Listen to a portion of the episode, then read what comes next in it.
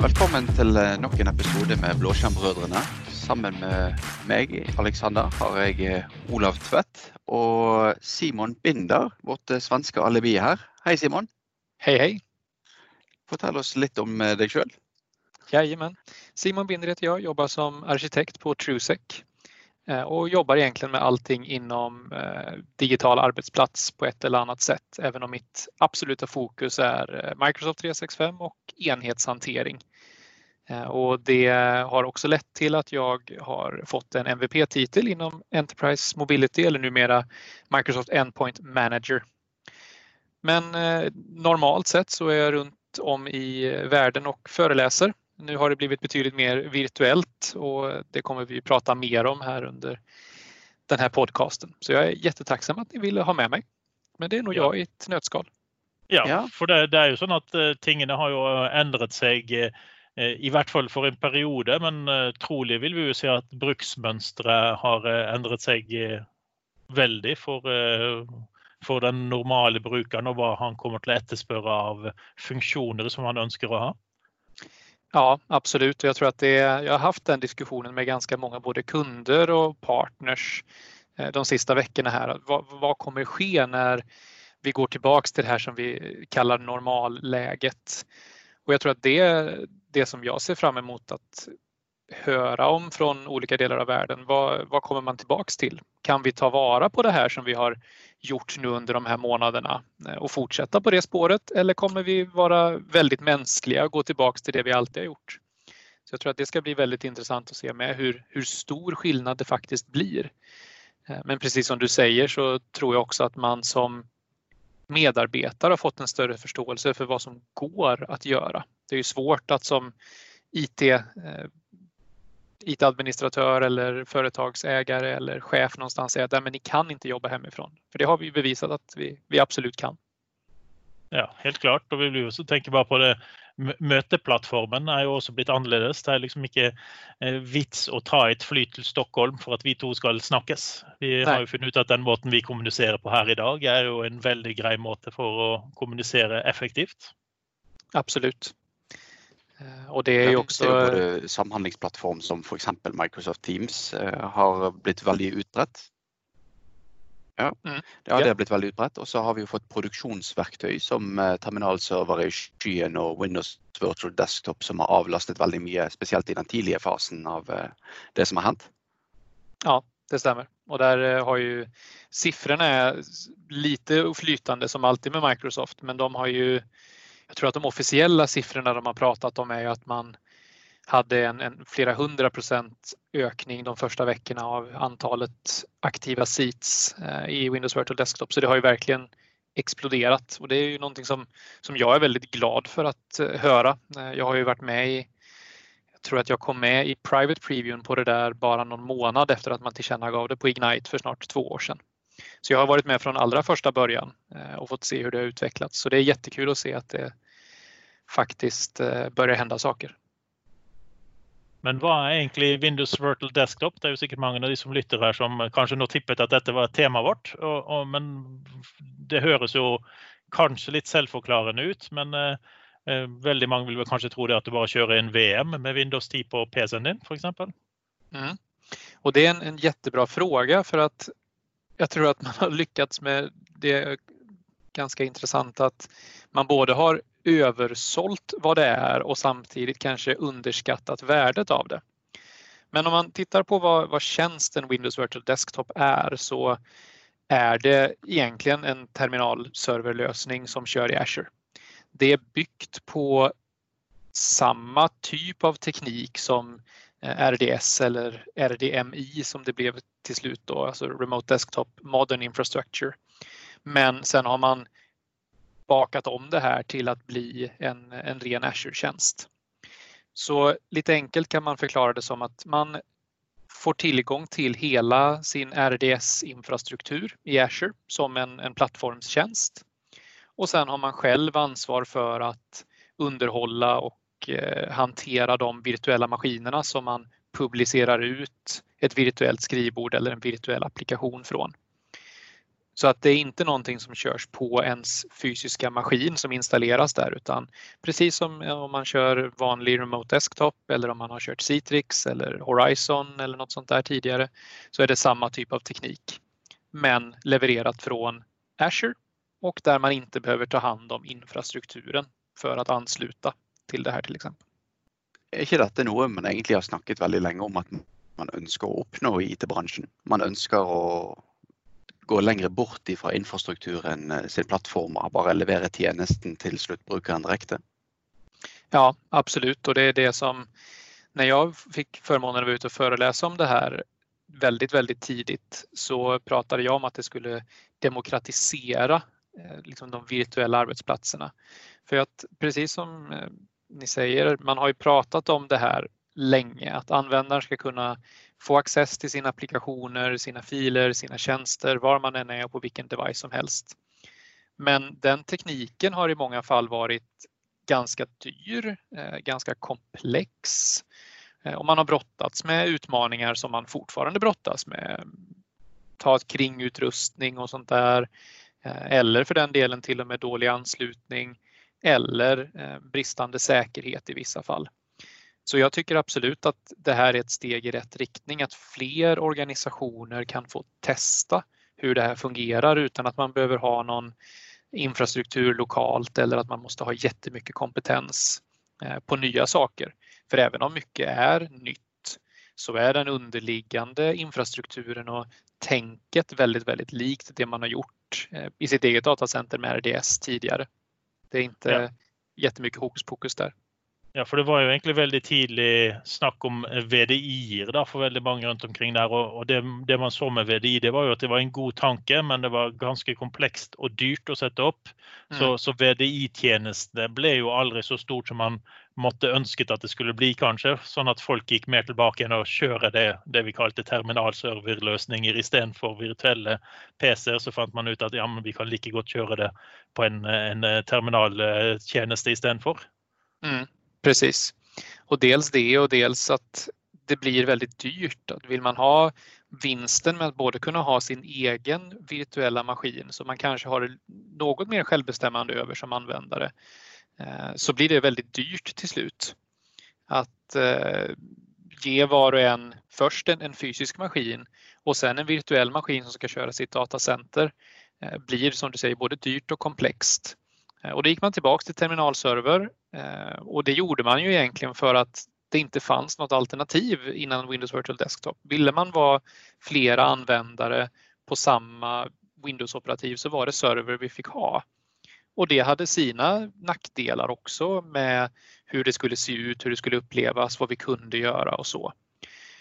Och det är väl egentligen någonstans kärnan i vad som är nytt i Windows Virtual Desktop. Att eh, den frågan har jag också fått en del gånger. Vad, är det faktiskt som är nytt? För vi har ju kunnat köra RDS i, i Azure väldigt länge. Man har kunnat sätta upp hela infrastrukturen där och det har funkat bra. Vi har haft um, olika typer av lösningar som uh, Azure Remote App. Uh, det är väl en sån här produkt som Microsoft helst inte pratar om men eh, som fyllde sin funktion ibland. Ja, de, de trakk han jo tilbake med en gang folk begynte å bruke den. Når ja, begynte virkelig å bli populær, når man hadde gått rundt og preket om dette her er jo veldig flott, og så plutselig nei, den ska vi ha längre. Så, så gick det ganska lång tid før de klarte å erstatte det med noe. Ja, precis. Så att det som är nytt är ju att kunna köpa det som tjänst, eller egentligen köpa är ju fel att säga för att har man bara en, en Windows-licens eller en Microsoft 365-licens så får man ju köra tjänsten i Azure utan någon extra kostnad. Sen betalar man för VMarna och vad de kostar och sitt lagringsutrymme och så, men annars är tjänsten gratis. Mm. Men den riktigt stora tekniska nyheten är ju Windows 10 Multisession. Eh, det vill säga att det är ett Windows 10 operativ som tillåter flera samtidiga anslutna så att flera användare kan logga in samtidigt på samma virtuella maskin. Och då löser man en del av de utmaningarna som vi har haft med terminalserver tidigare. Eh, att man inte behöver branda den, att vi kan köra samma webbläsare och samma typ av appar eh, som vi alltid har gjort och användaren känner igen sig direkt. Sen kan vi eh, dyka djupare i hur det här operativsystemet faktiskt ser ut för det är inte riktigt rättvist att kalla det Windows 10 det är ganska mycket serverdelar under huven på operativsystemet också. Mm. Ja, för den, eh, den, versionen av Windows var ju den som gjorde det, det att man kunde börja köra detta här på, på, på, för exempel på en dedicated host i Azure, så du kan välja lite prismodell och ytelsestingene eh, dine, hvor du kan köra da spot price eller dedicated host för att eh, kompensera. Vill du ha billig datakraft eh, Eh, fra Microsoft når de har overskudd, eller vil du ha en helt dedikert host som skal eh, bare kjøre dine VM-er? Mm. Precis. Och den flexibiliteten är ju otroligt kraftfull. Att, precis som du säger, vill man ha något som är, ja, men det, det kan vara en, en, eh, fallback om, någonting, om ens dator går sönder. Då kanske man inte behöver ha den kraftfullaste virtuella maskinen eh, tillgänglig utan det kan vara spotpris till exempel. Och sen har man andra delen av spektrat där eh, det finns en hel del organisationer som använder grafikaccelerering till exempel eh, i Azure. Så att man har ett eller en del av ett grafikkort eller flera grafikkort beroende på vad man kör för applikationer. Och det ger ju också helt nya möjligheter till att köra väldigt tunga applikationer eh, över stora avstånd också. Eh, men hvordan vil ja. en bruker egentlig kunne oppleve eh, følelsen av å være med på en virtuell eh, desktop? Eh, er det plagsomt å ny, altså et basisoppsett, sånn som vi hadde med, med Citrix-serverne våre tidligere. At her har du dine, ditt oppsett, her er din profil, her er dine applikasjoner. Og så eh, forsvinner alt eh, fra hver gang du kommer in. Mm. Och där kan man ju också välja hur man vill att det ska upplevas. Där den stora andra funktionen, och det här är ett så fantastiskt tips som väldigt få faktiskt vet om, det är att i, i början av Windows Virtual Desktop-tiden så insåg man att precis som du beskriver det, det var väldigt jobbigt att hantera profiler. Och det, det, vet ju båda ni två om att det här med profilhantering eh, har ju aldrig varit speciellt roligt, varken på virtuella maskiner eller fysiska maskiner. Eh, jag drömmer fortfarande mardrömmar om roaming profiles och allt vad det heter. Eh, men där så köpte man ett bolag som hette FS Logics som tidigare hade varit väldigt specialiserade på profilhantering i alla typer av virtuella miljöer och faktiskt var den enda tekniska lösningen som var supporterad att köra på RDS för OneDrive och eh, SharePoint eh, och Exchange, Cash, eh, Exchange. Så det köpte man och då fick man en ny, helt ny profilhanteringsmekanik som idag är helt gratis för alla som kör någon form av Windows Enterprise eller har RDS-kallar. Och då behöver man inte använda det bara på RDS utan man kan använda det på fysiska maskiner, man kan använda det på sin Citrix-infrastruktur eller sin VMware eller vad det än må vara. Och då får man det som kanske är den just nu bästa profiloptimeringen som finns. Eh, och då kommer man till det här önskade läget, det vi kanske alltid har velat ha, att när jag loggar in så får jag mina applikationer och jag får min profildata. Jag får mina mejl och min OneDrive och det känns verkligen som att man loggar in på en, en fysisk maskin. Vill man sen ha ytterligare applikationer eller att det ska hända andra grejer så har man ju de möjligheterna också. Men har du ett fullt desktop som man publicerar ut så upplevs det väldigt likt en fysisk maskin. Ehm, det som är utmaningen där skulle jag säga det är ju var applikationerna man använder körs. Eh, och nu, nu ska jag vara lite bitter här då som svensk. Det, Norge har ju redan fått sina datacenter.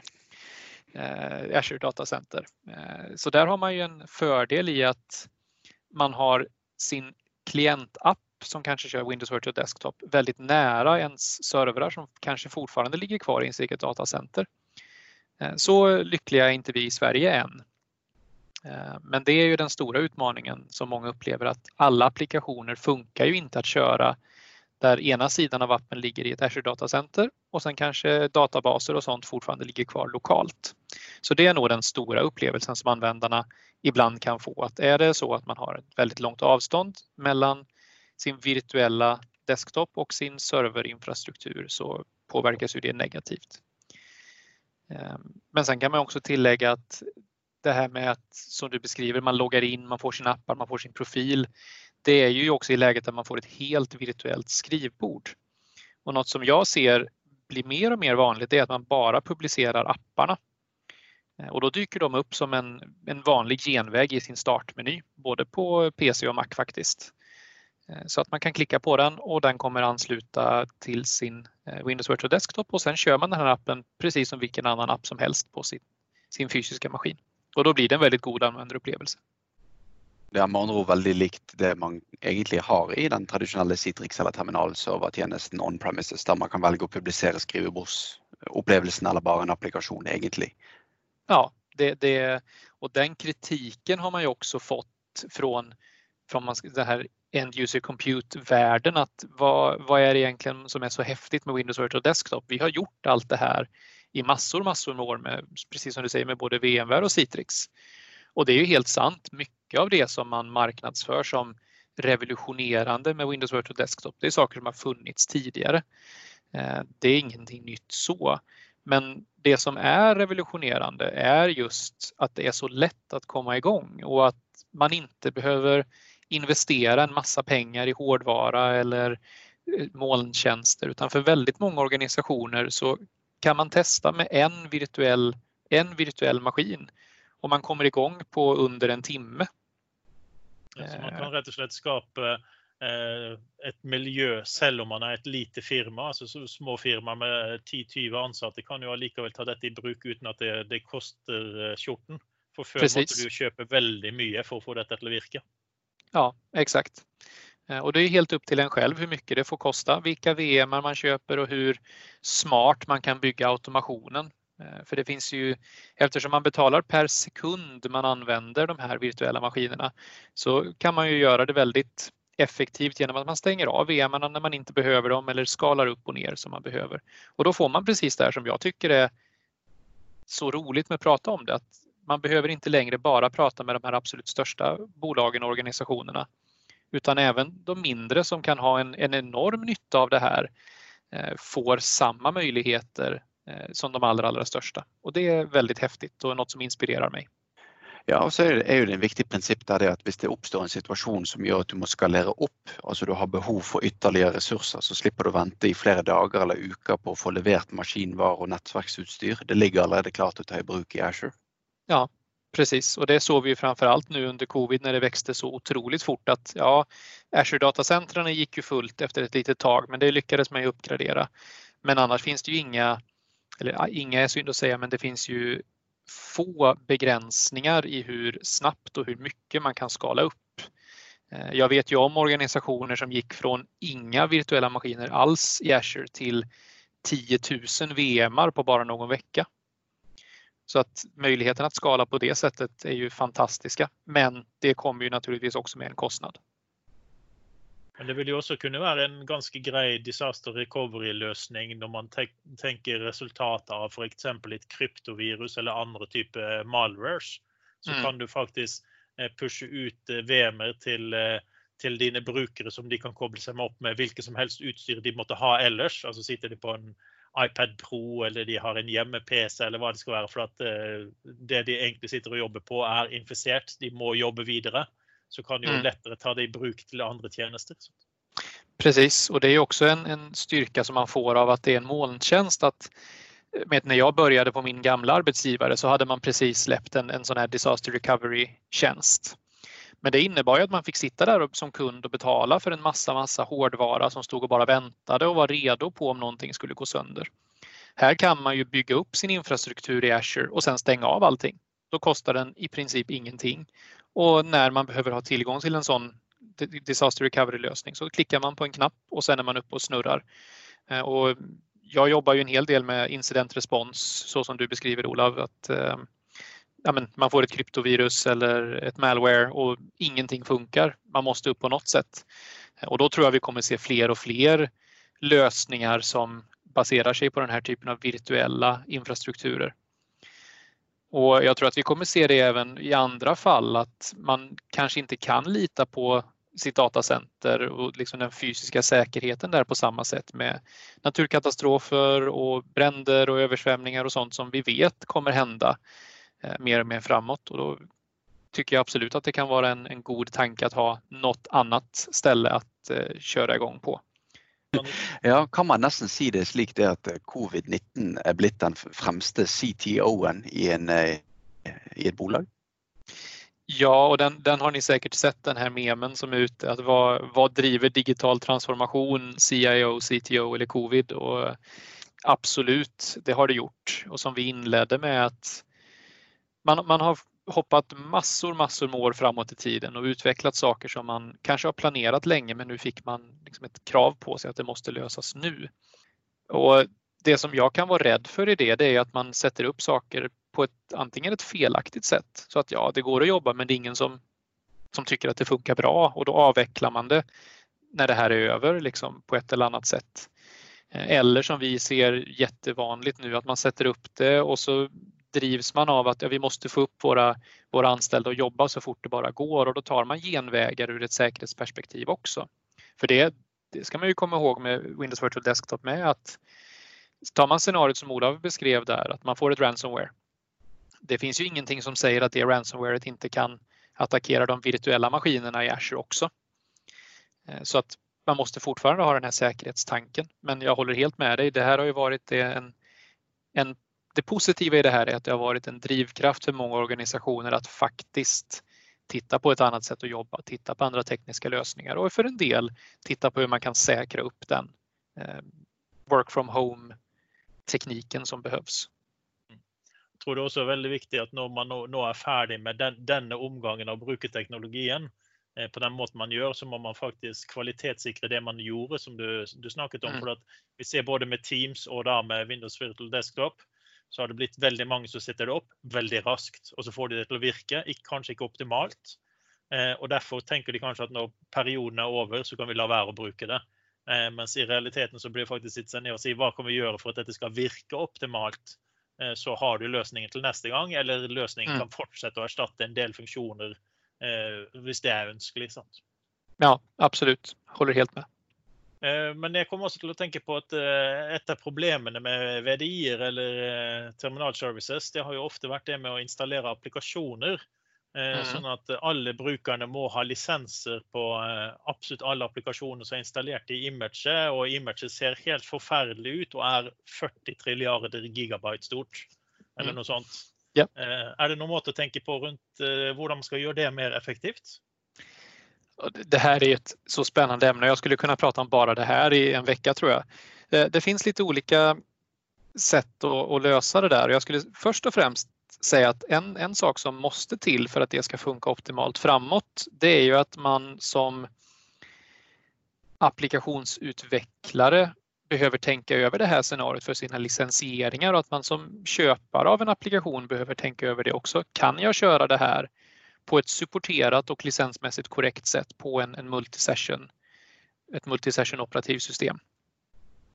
Men om man förutsätter att man kan det då så det, så som man alltid gjort det är precis det du beskriver att man har en, en golden image och det vet jag att framförallt mina Citrix-kollegor, det är ju det viktigaste de har. Eh, och de lever och dör med den här imagen och jag tycker mest bara synd om dem. Ehm, och det sättet går ju att göra nu också. Alltså man kan bygga en image med en massa applikationer i. Och väljer man att fortsätta på det sättet så har man också en del i den här FS Logics tekniken som eh, återigen alla har tillgång till utan någon extra kostnad. Där man kan använda det som kallas app masking.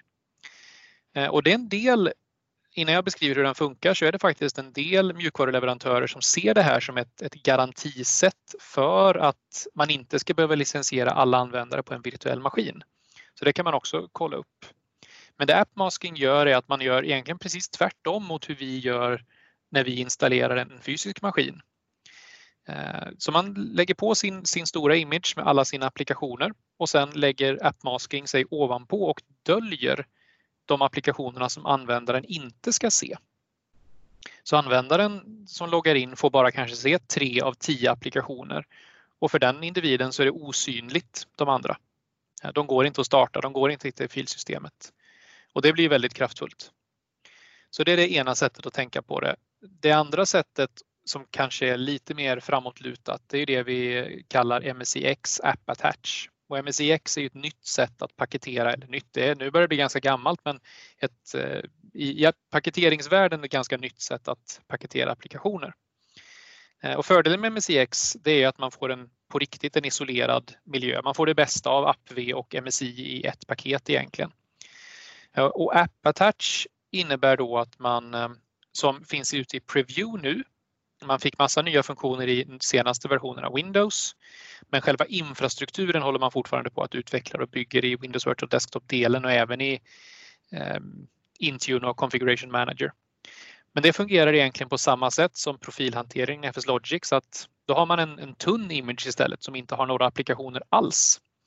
Eh, och precis som AppV så fungerar det så att när en användare loggar in så streamar man en, en VHD eller VHDX-fil in i operativsystemet och lägger då in den här applikationen som användaren behöver. Och det gör att imagehanteringen blir otroligt mycket lättare eh, och användaren behöver inte oroa sig för att de här olika applikationerna krockar. Och man som administratör behöver heller inte oroa sig för att applikationer som körs för olika användare krockar med varandra. Så att svaret på den frågan är att det är fortfarande komplext ehm, och det är flera aspekter att ta hänsyn till där licensiering är ett. Eh, teknik är ett. Ska man gå på en, en fet image eller en tunn image? Men sen är det också mindset och kultur att när jag träffar personer som kör Windows Virtual Desktop idag och som kommer från en Citrix eller VMware eller RDS bakgrund. Så som sagt, deras viktigaste verktyg är ju den här golden imagen. Men jag som kommer från en annan bakgrund med, med Config Manager Intune vill ju mycket hellre ha en tunn image och sen använda andra verktyg för att eh, optimera den och få en så bra användarupplevelse som möjligt. Och det har blivit, det är ju min, min nisch i den här Windows Virtual Desktop-delen att jag pratar så mycket jag kan om hur vi kombinerar Windows Virtual Desktop med Intune och Configuration Manager för att skapa bästa möjliga användarupplevelse. Så, så att vi kan plötsligt ha en virtuell desktop med en virtuell profil och virtuella applikationer som et ja. primærmåte å sette det opp på for å kunne ha det enkelt og tynt. Men i visse tilfeller så vil det eh, applikasjoner eller holdninger som gjør at ikke du klarer å bruke AppAttach og heller bruker eh, application masking. Eller mm. eventuelt ha lisenser til alle som bruker de imagene. At du da har flere poler med forskjellige pakker i, og så får du tilgang til den polen som er likest mulig din eh, licensprofil. Ja, precis. Så det, det, är många aspekter av det där, men det är det som gör det så roligt att jobba med också. Mm. Dette er jo også en ytterligere forbedring fra tidligere, der du måtte bygge ditt golden image, altså ditt uh, operating system som alle terminalserver logget inn på. Nå har du mm. klart å virtualisere under tjenester og applikasjoner, og i og med at operativsystemet er en virtual desktop i Asher, så kan du faktisk reinstallere operativsystemlaget og beholde mm. applikasjon- og tjenestenivåene, sånn at du slipper å lage dette golden image. Du bare kjører en redeployment av operativsystemet. Ja, precis. Och det, det är dit man vill komma med andra tekniker som Azure Image Builder som gick eh, till eh, General Availability nu för någon vecka sedan. Att tanken där är ju att jag ställer frågan till er, hur ofta hos era kunder eller arbetsgivare byter ny image på era fysiska maskiner eller virtuella maskiner? Allt för sällan. Allt för sällan, precis. För det, det är jobbigt, det är inte roligt och det är tråkigt att bygga imager. Eh, och Azure Image Builder är ju då en, en Azure-tjänst för att göra precis det där. Så jag känner till organisationer som har gått så långt så att de faktiskt gör nya imager varje dag. Eh, så de har helt automatiserat det här i sina DevOps pipelines och trycker ur sig nya imager varje dag och uppgraderar sina hostpools. Jag kan väl tycka att pratar jag med kunder som jag implementerar det här hos varje dag, det kanske är lite väl ofta. Men en gång i veckan ska ju absolut inte vara några problem. Då kan man byta ut alla, alla hostar varje helg till exempel. Eh, och då är vi verkligen up to date eh, utan att det blir speciellt krångligt. För precis som du säger Alexander så är ju allting annat redan virtualiserat och ligger kvar. Eh, det är bara operativsystemet där under som vi uppgraderar och underhåller. Ja, det, det, blir väl egentligen den uh, ultimata drömmen, det att man kan redeploya OS varje dag, men, men än så länge är det väl inte fullt så enkelt. Men, men när jag ser det, vi, vi, vi, vi tar ju patcher upp uh, till alla nya bild uh, sånn som vi skal gjøre, men problemet er jo at det blir hengende igjen maskiner. Mm. Eh, og da tenker jeg også at Virtual Desktop kan ha en, en nøkkelplassering for å få tilgang i informasjon som du kanskje vil være 100% sikker på at det er bare patchede imager som kommer inn på. Så mm. kan man jo faktisk sette det opp som en, en, gateway inn til de tingene du vil passe litt mer på, også med å ha lukkede kommunikasjonsveier från eh, fra de og inn på lukkede systemer. Sånn at man vet at okay, det er kun eh, dagsfärska dagsferske imager omtrent som får lov å komme inn på våre eh, väldigt veldig, veldig viktige systemer. Eh, mens brukeren sin egen maskin ikke får komme i direkte kontakt med, med våra guldbarer.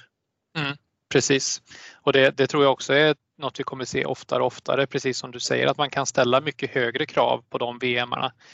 Nu är det inte fullt så enkelt med conditional access på Windows Virtual Desktop än, eh, för att det är inte riktigt gjort för multisession.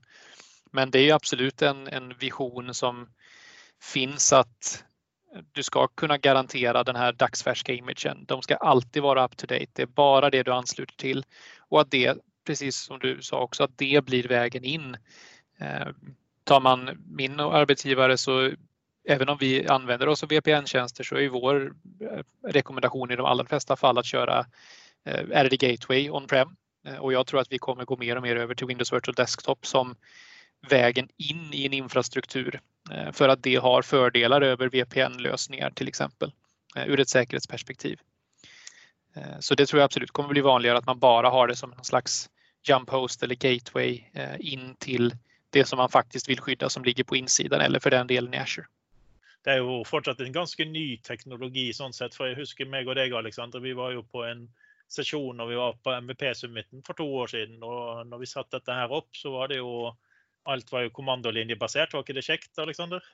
Jo, det var veldig, eh, veldig slavisk eh, prosess der du nærmest følte at du satt og bakte en veldig komplisert kake. Og hvis ikke du mm. gjorde det i rett rekkefølge, så hadde du bakt, en bolle istedenfor kake.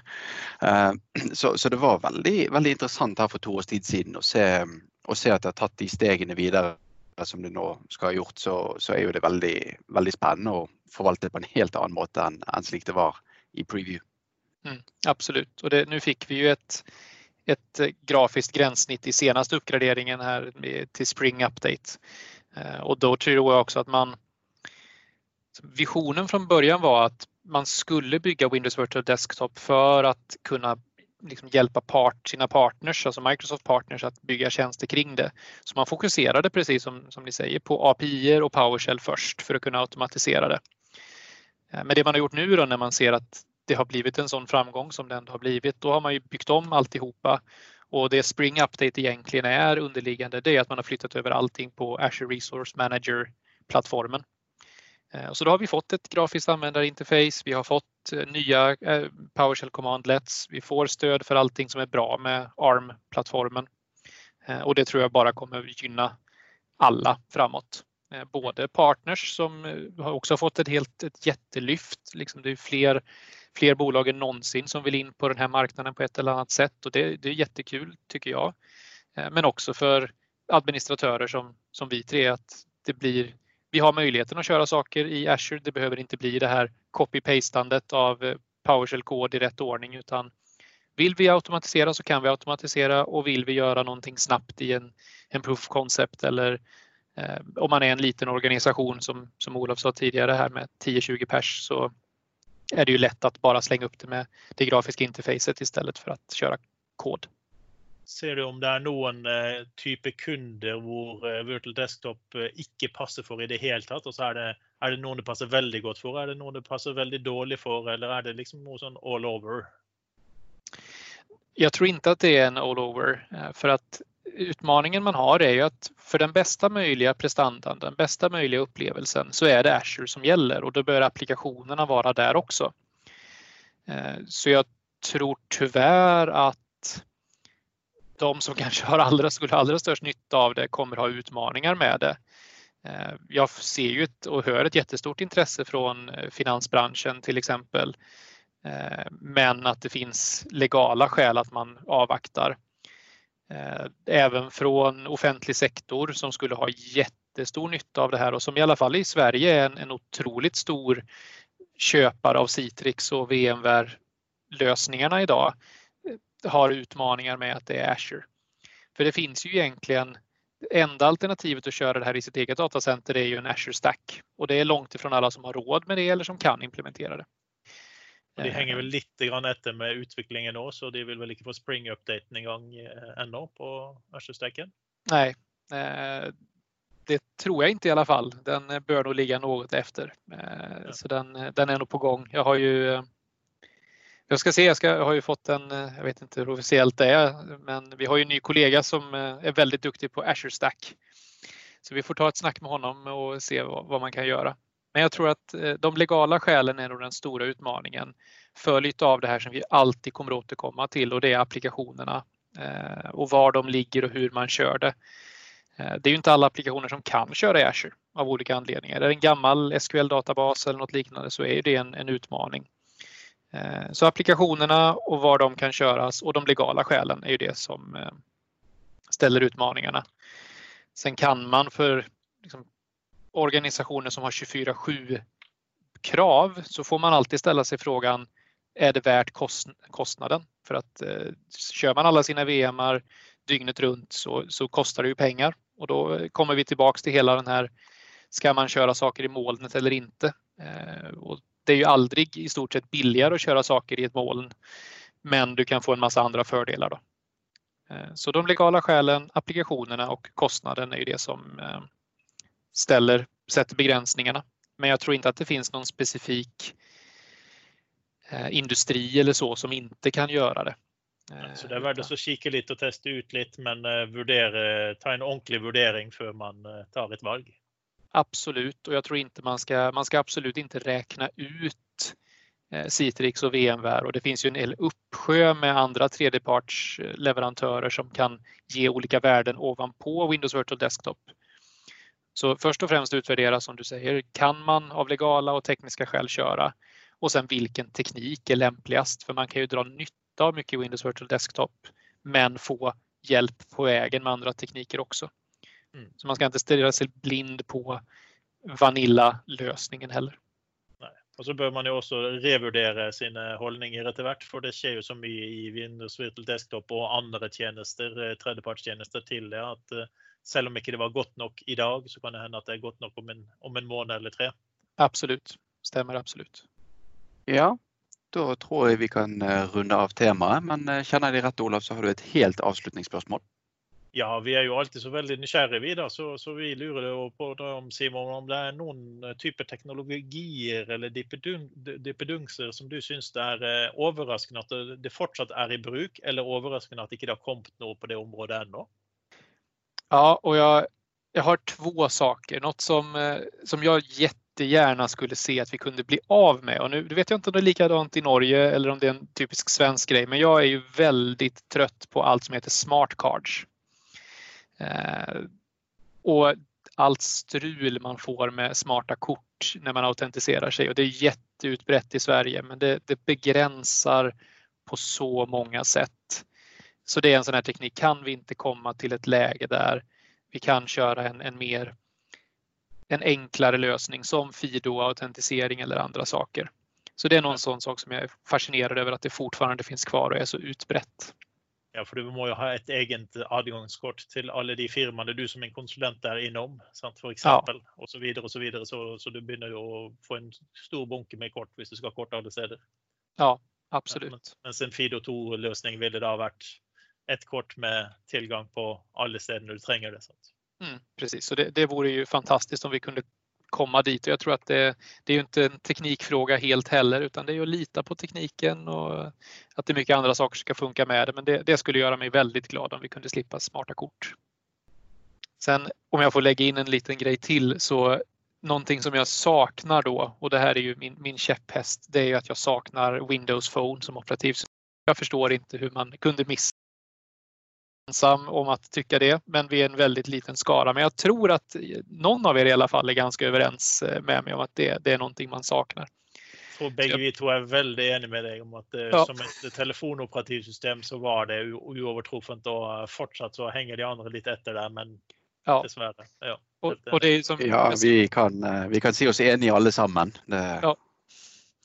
Och det är faktiskt så roligt att när jag slutade på mitt gamla jobb så fick jag en avslutningspresent av dem. Så jag har en fortfarande inplastad HP X3, så HPs topp Windows-telefon som ligger här i sin kartong bredvid mig. Ja. Eh, så den, den, brukar jag ta upp och titta på gråta en skvätt. Eh, för det, jag, jag saknar det. Jag tycker det var ett, ett otroligt underskattat operativsystem, framförallt i jobbet. Mm. Eh, det var oslagbart. Det var, det var bara app, appmangelen som gjorde att jag gick bort från till slut. Jag måste ha ja. någon appar och då måste du till slut sitta med två telefoner om du skulle klara att få gjort något och det, det hållt dessvärre inte. Nej, precis. Men dette var jo veldig interessant, eh, Simon. Vi takker eh, holdt på å si, veldig mye for at du tok deg turen over grensen og kom til Norge. Men eh.